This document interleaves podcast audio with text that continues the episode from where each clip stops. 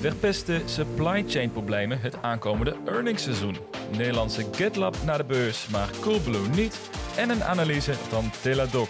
Dit is de Mr. Dawn Podcast.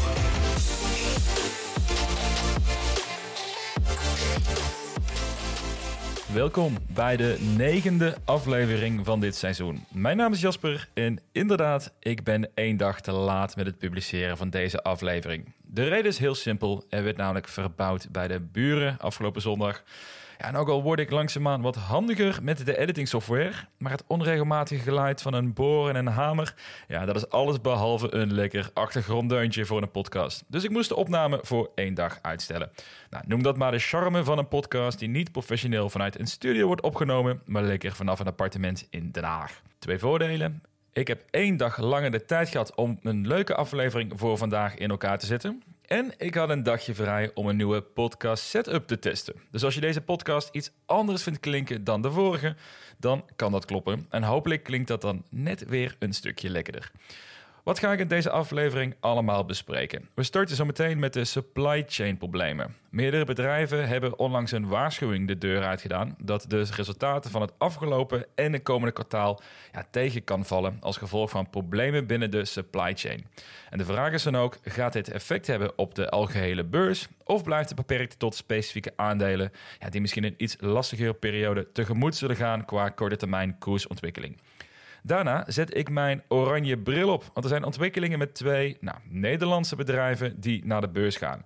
GitLab heeft vorige week zijn debuut gemaakt aan de Nasdaq en ook Coolblue, ja, die hadden spoedig moeten volgen, maar zij hebben ervoor gekozen om hun beursgang uit te stellen wegens een teleurstellend beurssentiment al dus directie. Dus daar gaan we het zeker over hebben.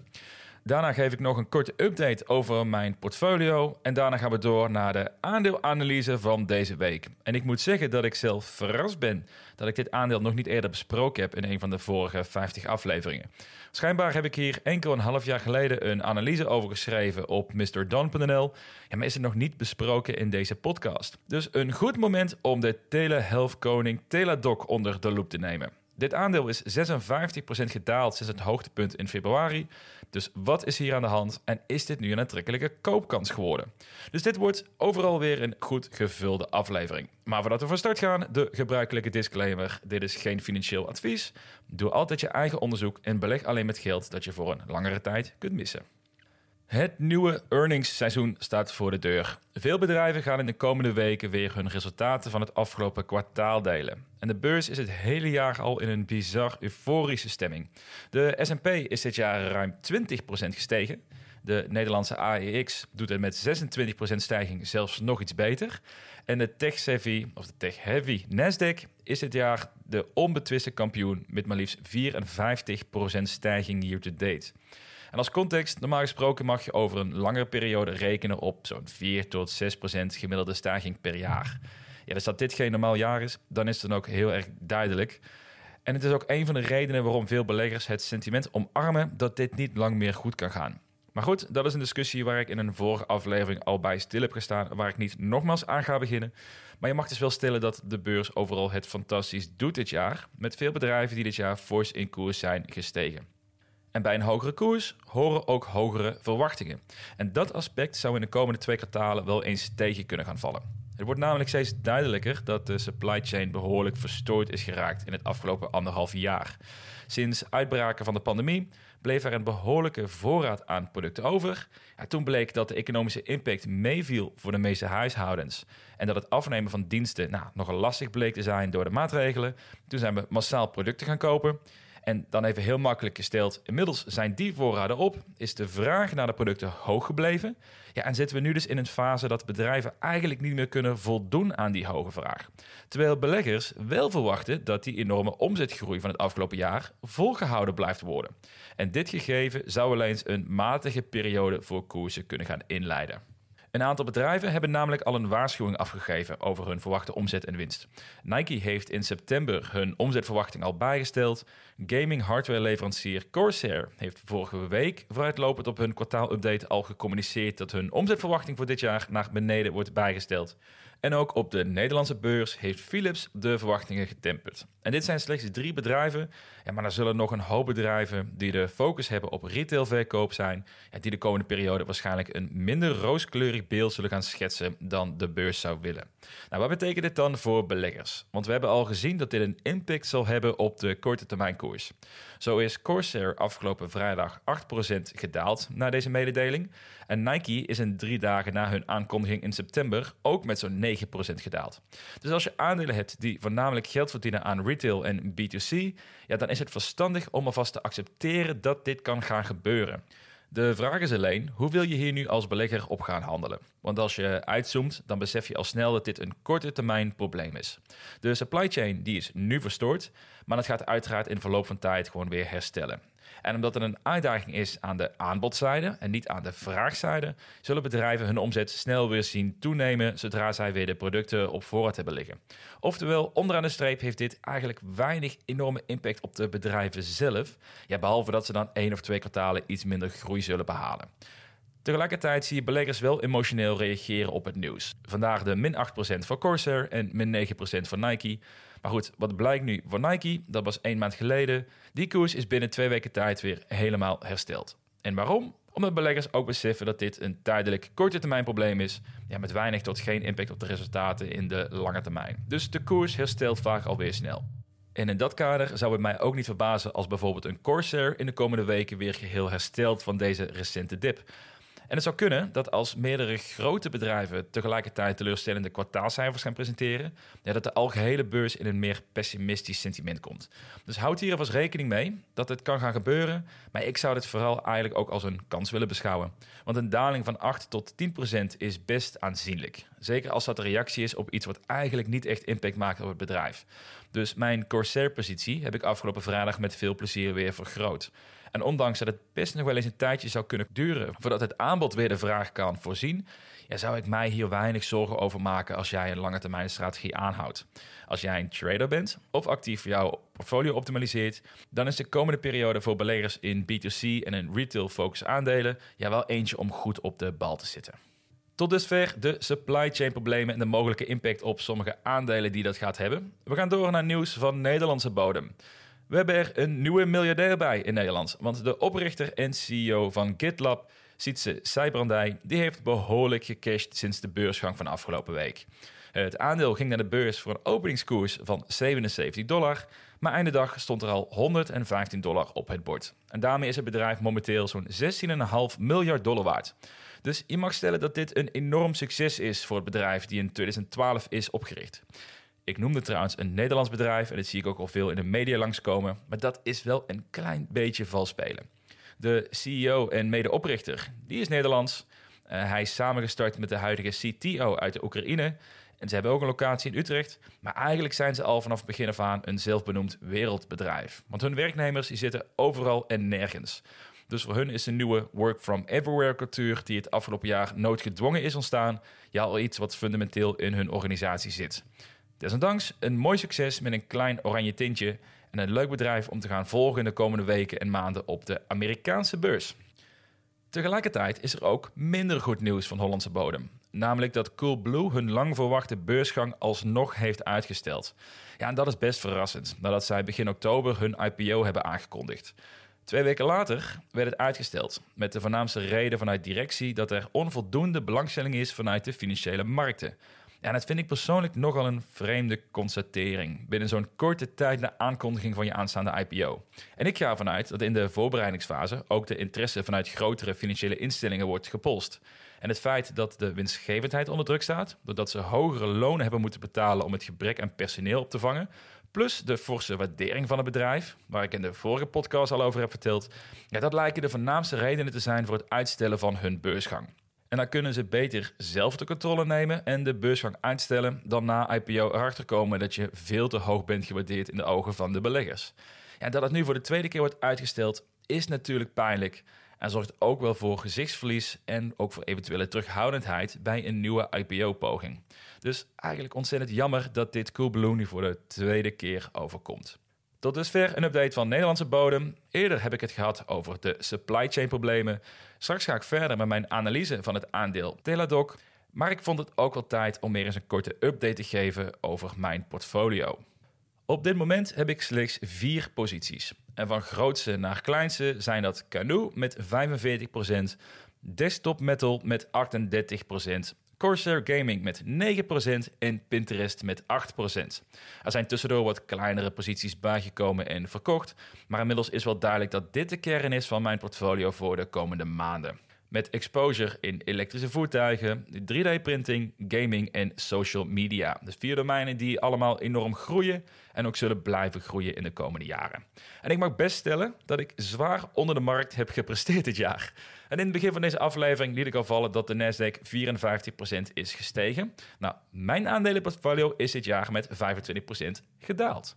En dan heb ik het dankzij de cryptocurrency winsten net nog aardig kunnen compenseren dit jaar. Maar ik wil er ook vooral eerlijk en transparant over zijn in deze podcast. Want ondanks dat ik volledig geloof in de aandelen die ik nu bezit, hè, vandaar ook een zwaar geconcentreerd portfolio, ja, wordt er vaak wel een rooskleurigere wereld afgeschilderd door beleggers op social media dan wat echt de werkelijkheid is. En als straks de koers van bijvoorbeeld een Canoe of een Desktop Metal door het dak gaan, ja, zonder ook te vertellen dat ik nu juist fors onder de benchmark presteer, ja, dan ontstaat er weer zo'n eenzijdig beeld. Terwijl je best mag weten dat ik mij soms ook afvraag of dit wel de verstandige strategie is om aan te houden. Als je praktisch iedere maand onderpresteert. Maar dan doe ik een stapje terug. Ga ik opnieuw in de analyse duiken over de vier posities die ik heb. Ja, en dan ben ik weer gerustgesteld. Eén positie die ik wel heel graag had willen hebben en vorige week ook dichtbij zat, dat is PubMatic. En dat was het eerste gouden aandeel van dit seizoen en daar ben ik nog steeds enorm enthousiast over. En de koers lag net onder de 22 dollar terwijl ik onlangs een kleine 29 dollar al beschouwde als een prima aankoop. Helaas, helaas heb ik mijn instinct niet gevolgd en wilde ik nog één dagje wachten tot de koers eventueel onder de 21 dollar zou komen. Waarom? Geen idee. Waarschijnlijk pure hebzucht om het nog iets goedkoper te krijgen. Maar die kans is inmiddels voorlopig verkeken. Maar het aandeel is in een paar dagen tijd weer gestegen naar ruim 29 dollar. Het gaat snel omhoog zonder nieuws. Dat betekent vaak dat de koersstijging in de komende periode ook snel weer teruggegeven kan worden. Dus misschien komt er een tweede kans. Maar ook hiervan heb ik weer geleerd. De volgende keer als ik een tweet plaats over het aantrekkelijk vinden van een aandeel, ja, dan is het een goed signaal voor mezelf om ook gewoon op die koopknop te rammen. Vooralsnog ben ik nog steeds maandelijks een deel van mijn salaris aan het investeren in aandelen. Vooral het vergroten van de vier huidige posities. Dus ik houd helemaal geen rekening met een eventuele correctie op de beurs. Het interesseert mij ook niet zoveel, omdat ik daar toch niet op kan plannen. En sowieso zijn het aandelen die hun groei nog voor de boeg hebben. En wie weet zit er vanuit Canoe of Desktop Metal nog een verrassing in het vat voor Q4. Ja, want als één van die twee nog verdubbelt dit jaar, en dat is niet ondenkbaar gezien de lage market cap die ze momenteel hebben, ja, dan is in één klap mijn jaar goed gemaakt. Dus we gaan het meemaken. En hiermee komen we aan het einde van het eerste deel van deze aflevering. We hebben gesproken over de supply chain issues van voornamelijk retailbedrijven. We hebben het gehad over de beursgang van GitLab en de niet-beursgang van Coolblue. En een korte portfolio-update. En na een korte break is het tijd voor de aandeelanalyse van deze week. Met vandaag in de spotlight de telehealth-gigant en het lievertje van ARK Invest, namelijk het bedrijf Teladoc. Tot zometeen.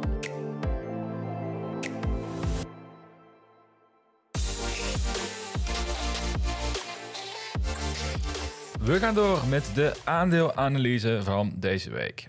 Deze keer zijn in de spotlight de absolute koning in de telehealth-industrie, namelijk het bedrijf Teladoc met ticker TDOC.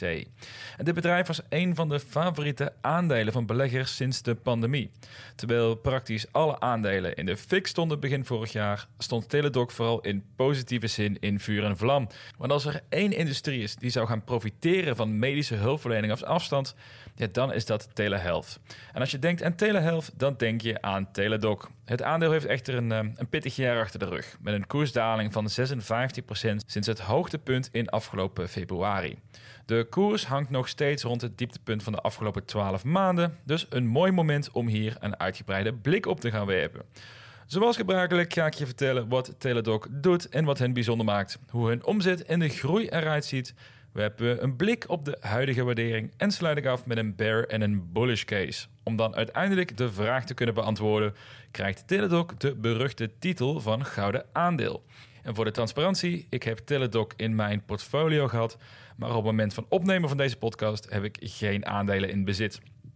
Teladoc, wat doen ze eigenlijk? Teladoc is de marktleider op gebied van virtuele zorgverlening. Dus zij verbinden dokters en patiënten op afstand met elkaar door middel van slimme software. En met deze software kunnen mensen geholpen worden met algemene of ook complexere medische zorg, maar bijvoorbeeld ook met psychologische zorg.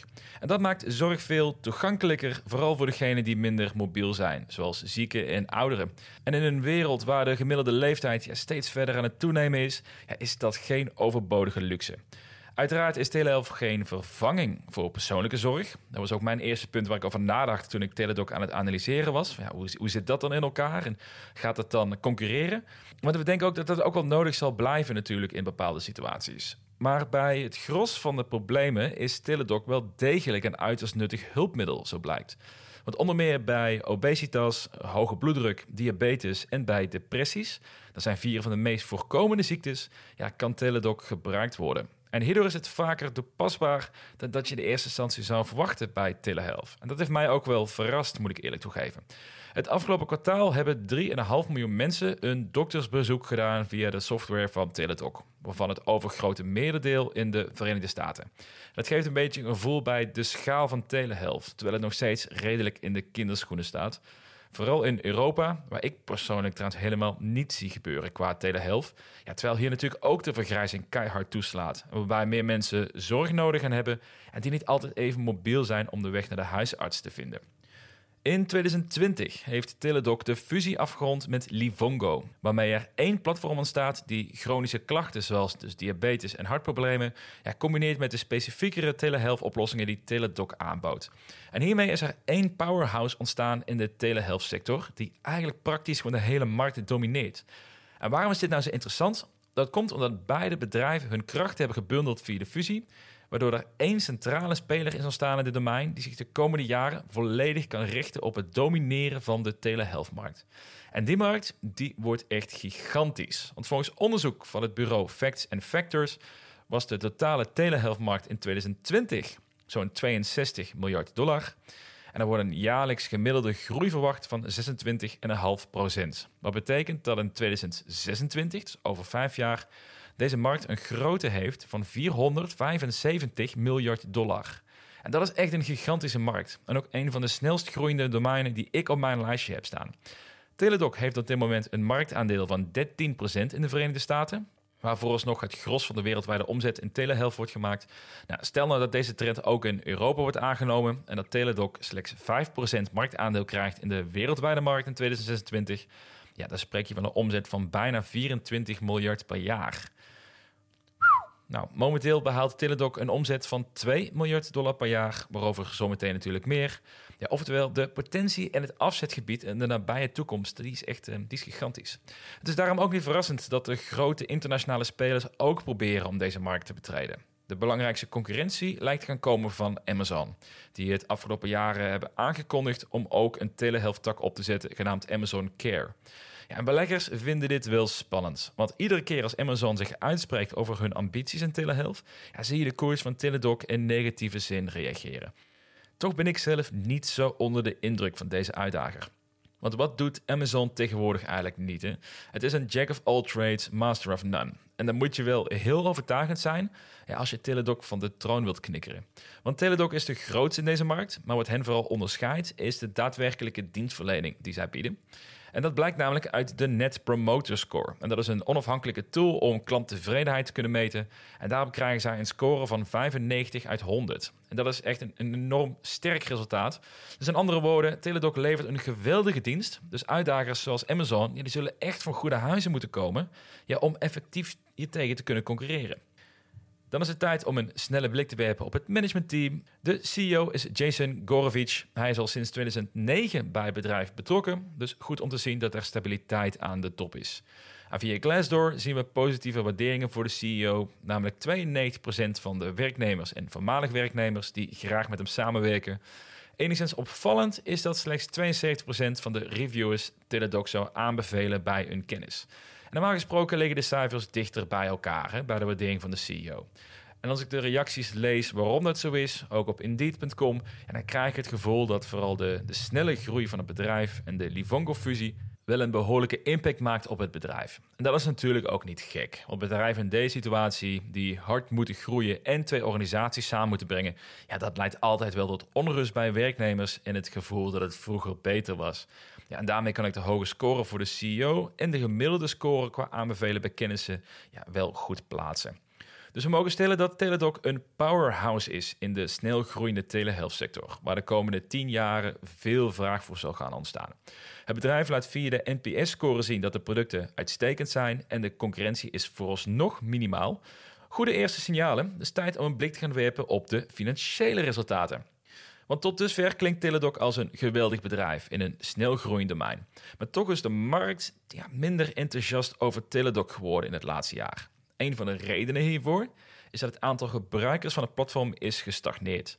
Het afgelopen kwartaal hebben ze 52 miljoen betalende gebruikers gehad. En dat is slechts een half miljoen meer dan één jaar geleden. En voor beleggers is dat een signaal dat het bedrijf redelijk aan hun max zit. En dat is eigenlijk hetzelfde argument die beleggers maken over Pinterest. Die eigenlijk ook weinig groei laten zien in het aantal gebruikers. Maar zowel Teladoc en Pinterest laten iets anders zien, wat eigenlijk misschien wel veel belangrijker is. Zij laten namelijk een enorme groei zien in de omzet per gebruiker. Teladoc verdiende één jaar geleden zo'n 1 dollar en 2 cent per gebruiker per maand. En dit bedrag is inmiddels bijna anderhalf keer verdubbeld naar 2 dollar en 47 dollar per gebruiker per maand. En qua omzet komt het neer op het bedrag van 503 miljoen dollar in het tweede kwartaal. En op 27 oktober worden de cijfers van het afgelopen kwartaal gepresenteerd, waarbij ze rond de 510 à 520 miljoen dollar verwachten te kunnen rapporteren. Nou, voor heel 2021 denkt het managementteam een omzet te behalen van iets meer dan 2 miljard dollar. En dat zou haast een verdubbeling betekenen van hun omzet van 2020, toen ze nog een kleine 1,1 miljard dollar hebben gemaakt. Oftewel een enorme omzetgroei voor een bedrijf die al een miljard dollar heeft aangetikt. Ja, dat is bijzonder. Ik heb nog niet eerder een aandeel geanalyseerd die 1 miljard dollar omzet behaalt en daar bijna een 100% year-over-year groei tegenover kan zetten. Dus beleggers die stellen dat Teladoc geen groei meer voor zich heeft door het gebrek aan groei bij gebruikers, ja, die ze overzien het hele plaatje niet helemaal, denk ik. Nou, veel omzet is natuurlijk een hartstikke goed teken, maar hoe zit het dan met de winstgevendheid van het bedrijf? Daar zien we dat het bedrijf een prijs betaalt voor hun agressieve groei. Het afgelopen kwartaal heeft dat geleid tot een nettoverlies van 134 miljoen dollar. Het verlies was eind vorig jaar het hoogst, met 394 miljoen dollar verlies. Grotendeels door de impact van de Livongo-fusie, maar ieder kwartaal worden de cijfers iets beter. Als je het bekijkt vanuit een trendperspectief, ja, mag je zelfs beschouwen dat ze richting winstgevendheid lijken te gaan over de periode van de komende 12 maanden. Hun EBITDA is namelijk behoorlijk aan het groeien naar 66,8 miljoen dollar in het afgelopen kwartaal, wat een stijging van 154% year-over-year betekent. En hierbij hebben ze ook nog te maken met de Livongo-overname, wat nog steeds behoorlijk drukt op de resultaten van Teladoc. Zodra die fusie helemaal is afgerond en afbetaald, ja, zullen de cijfers al snel een positiever beeld laten zien. En dat beeld wordt bevestigd als we kijken naar de marges van het bedrijf. In één jaar tijd zijn de bruto marges gestegen van 62,3% naar 68,1%. En dat is een aardige stijging. Hetzelfde zien we logischerwijs bij de EBITDA-marges. Die is gestegen van 10,9% naar 13,3% in 12 maanden tijd. En dit gaat er allemaal toe leiden dat Teladoc binnen afzienbare tijd een winstgevend bedrijf kan worden. En gezien de omzetgroei die zij doormaken en de marges die verbeteren, ja, heeft dit bedrijf de potentie om een toekomstige cash cow te worden. Maar tot het zover is, zal Teladoc echter wel verstandig met hun geld moeten omgaan. Ze hebben een cashpositie van 786 miljoen dollar. En als ze het verlies van het afgelopen kwartaal aan 134 miljoen dollar blijven volhouden, ja, dan hebben ze nog vijf kwartalen te gaan voordat het geld op is. Niet iets om je zorgen over te maken, maar wel een signaal dat grotere investeringen waarschijnlijk zullen uitblijven om de runway naar winstgevendheid zo lang mogelijk te maken. Tenzij ze natuurlijk van plan zijn om kapitaal op te halen, maar dat signaal heb ik nergens gevonden. En als je kijkt naar de financiële gezondheid van het bedrijf, ja, dan is dat ook nergens voor nodig. Hun assets zijn circa 16 miljard dollar waard en hun liabilities staan voor 1,2 miljard dollar in de boeken. En dat betekent een debt-to-equity ratio van 0,08. Oftewel een kerngezond bedrijf die zich geen enkele zorg hoeft te maken over het kunnen voldoen van hun verplichtingen. Dat klinkt misschien een beetje als een onbelangrijk feitje uh, achteraf, eh, terwijl we al de omzetten zo besproken. Maar goed, dit betekent wel dat jij als belegger geen zorg hoeft te maken over dat dit bedrijf over een tijdje failliet is. En dat is wel heel lekker bij een bedrijf die een omzet verdubbelt, relatief hoge marges maakt en dan ook nog eens een keer financieel sterk is. Dus ondanks dat het bedrijf nog niet winstgevend is en de rekening nog aan het betalen is voor de Livongo-overname, hebben ze toch al een bijzonder resultaat neergezet. Door bijna te verdubbelen, terwijl ze al meer dan 1 miljard dollar aan omzet halen. Ja, dat heb ik nog niet vaak gezien. En dat gecombineerd met de financiële gezondheid en hoe dominant Teladoc is in de telehealthmarkt, ja, betekent dat ik met een goed gevoel ga kijken naar de huidige waardering van het bedrijf. Teladoc heeft momenteel namelijk een market cap van 21,6 miljard dollar. Dat was een half jaar geleden nog circa 50 miljard dollar. Dus de prijs van het aandeel is behoorlijk afgekoeld. Wat hierbij interessant is om te weten, is dat de overname van Livongo is gebeurd voor een waardering van 18,5 miljard dollar. En dat is slechts 10% minder dan de waardering van beide bedrijven nu in de combinatie. Maar goed, dat is allemaal leuk en aardig. Het zegt niet zoveel om te kijken naar het hoogtepunt van de koers, om dan te stellen dat het aandeel nu goedkoop is. Daarvoor hebben we vele betere metrics om eventueel op deze conclusie te kunnen trekken. Helaas zijn ze nog niet winstgevend, dus geen PE-ratio dit keer. Maar wel kunnen we kijken naar de price-to-sales ratio, oftewel hoeveel je betaalt voor iedere euro omzet die zij maken. En die ratio ligt momenteel op een kleine 10 keer de omzet. Een jaar geleden, in het derde kwartaal van 2020, lag die ratio nog op 20 keer de omzet. Teladoc is nu op het goedkoopste punt beland, op basis van een price-to-sales ratio, ja, sinds het derde kwartaal van 2019, toen de koers nog rond de 67 dollar stond.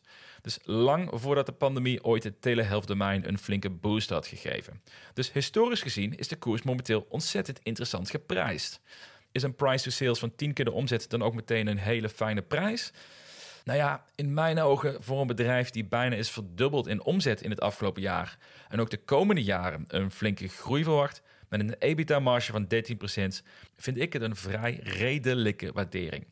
Het is niet te duur, het is ook zeker geen geweldige aanbieding wat je absoluut moet laten lopen, maar het is gewoon een prima prijs als je gelooft in de telehealth-industrie ja, en wilt investeren in de grootste speler in dit domein. Zijn er dan nog bedrijven die nu een vuist kunnen maken tegen Teladoc? Of wat nu een goed alternatief zou kunnen zijn om te beleggen in deze industrie? Ja, niet echt eigenlijk. Je hebt One Health Life Care, die dit jaar een kleine 500 miljoen dollar omzet verwacht te halen. Maar zij hebben een forse schuld, waardoor je nog steeds 10 keer de omzet betaalt op basis van hun enterprise value, met een lagere groei dan wat Teladoc realiseert. Een andere concurrent in de telehealth-industrie is het Amerikaanse Amwell. En beide bedrijven worden wel eens met elkaar vergeleken, maar ja, dat vind ik niet altijd een heel eerlijk vergelijk. Amwell verwacht slechts 260 miljoen dollar omzet dit jaar, terwijl Teladoc in 2021 hun omzet verwacht te verdubbelen naar 2 miljard dollar. Dat zie je dan ook weer terug in de waardering, die ook allebei rond de 10 keer de omzet hangt. Maar de groei en de positie van Teladoc is vele malen sterker in mijn ogen. En vanuit die gedachte zie ik dan ook niet echt een reden om te kiezen voor een andere partij dan Teladoc als je graag in de telehealth-industrie zou willen investeren. Wat vind ik dan wel een redelijke prijs om te betalen voor Teladoc-aandelen? Nou, op basis van een discounted cashflow-analyse kom ik uit op een bedrag tussen de 120 en de 140 dollar per aandeel. Nou, laten we daar het gemiddelde van pakken. 130 dollar, dan nog 10% margin of safety eraf halen. En dan kom je op een koopdoel van circa 117 dollar pak een beet. En ik ben hiermee wel bijzonder conservatief in mijn berekening. Want gevoelsmatig is het aandeel nu rond de koers van 135 dollar ook een meer dan prima aankoop. Maar goed, objectieve rekensommen, die doe je natuurlijk ook met een reden. Al met al denk ik dat als je nu besluit om in te stappen of misschien om bij te kopen, nou, eventueel verspreid over de komende maanden, ja, dat je dit over een tijdje als een prima instapmoment zult gaan beschouwen. Ervan uitgaande dat Teladoc de komende jaren dominant blijft en ook hun groei blijft vasthouden. En dan hebben we eigenlijk alle onderdelen wel weer besproken in deze aflevering. Dus we gaan langzaam afronden. Om dan uiteraard te starten met de bearish case. Mijn redenen waarom ik op dit moment niet zou willen investeren in Teladoc. En een van mijn redenen om nog terughoudend te zijn, ja, dat is de deal met Livongo. En dat klinkt een beetje gek, omdat die fusie ontzettend veel brengt aan Teladoc. Maar ik ben terughoudend omdat ik benieuwd ben of het uiteindelijk echt een 1 plus 1 is 3 gaat worden. Beleggers zijn sceptisch als je ziet dat de huidige waardering haast overeenkomt met de overnameprijs van Livongo. En het zal moeten blijken dat ze beide proposities echt in elkaar kunnen verweven. En dat ze hiermee hun stagnerende klantenbestand weer kunnen laten groeien. Ja, of de omzet per gebruiker nog verder omhoog kunnen stuwen. Ja, anders wordt het simpelweg een uitdaging om deze groei vast te houden. En bij een waardering van 10 keer de verwachte omzet van 2021 ja, zal dat wel gevraagd worden vanuit beleggers.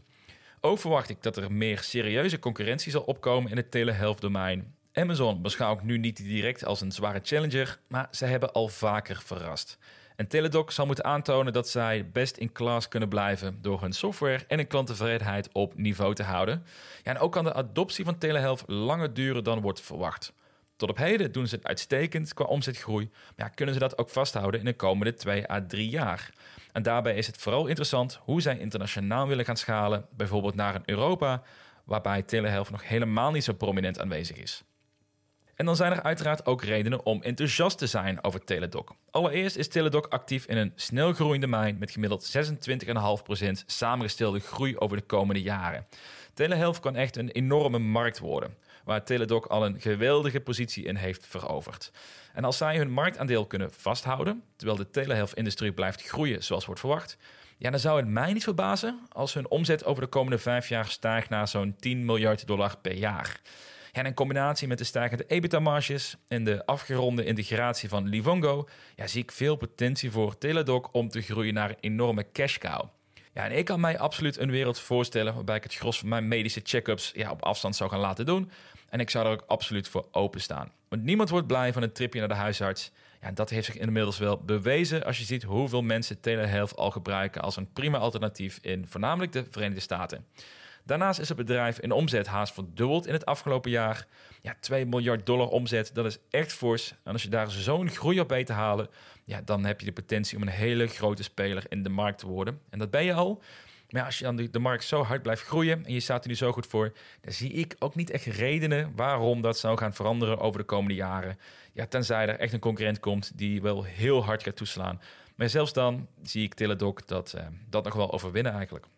Dus mijn eindconclusie is dan ook: als je gelooft in de groei van medische zorgverlening op afstand, ja, dan is Teladoc het aandeel om in te investeren. Zij zijn de marktleider, zij groeien enorm.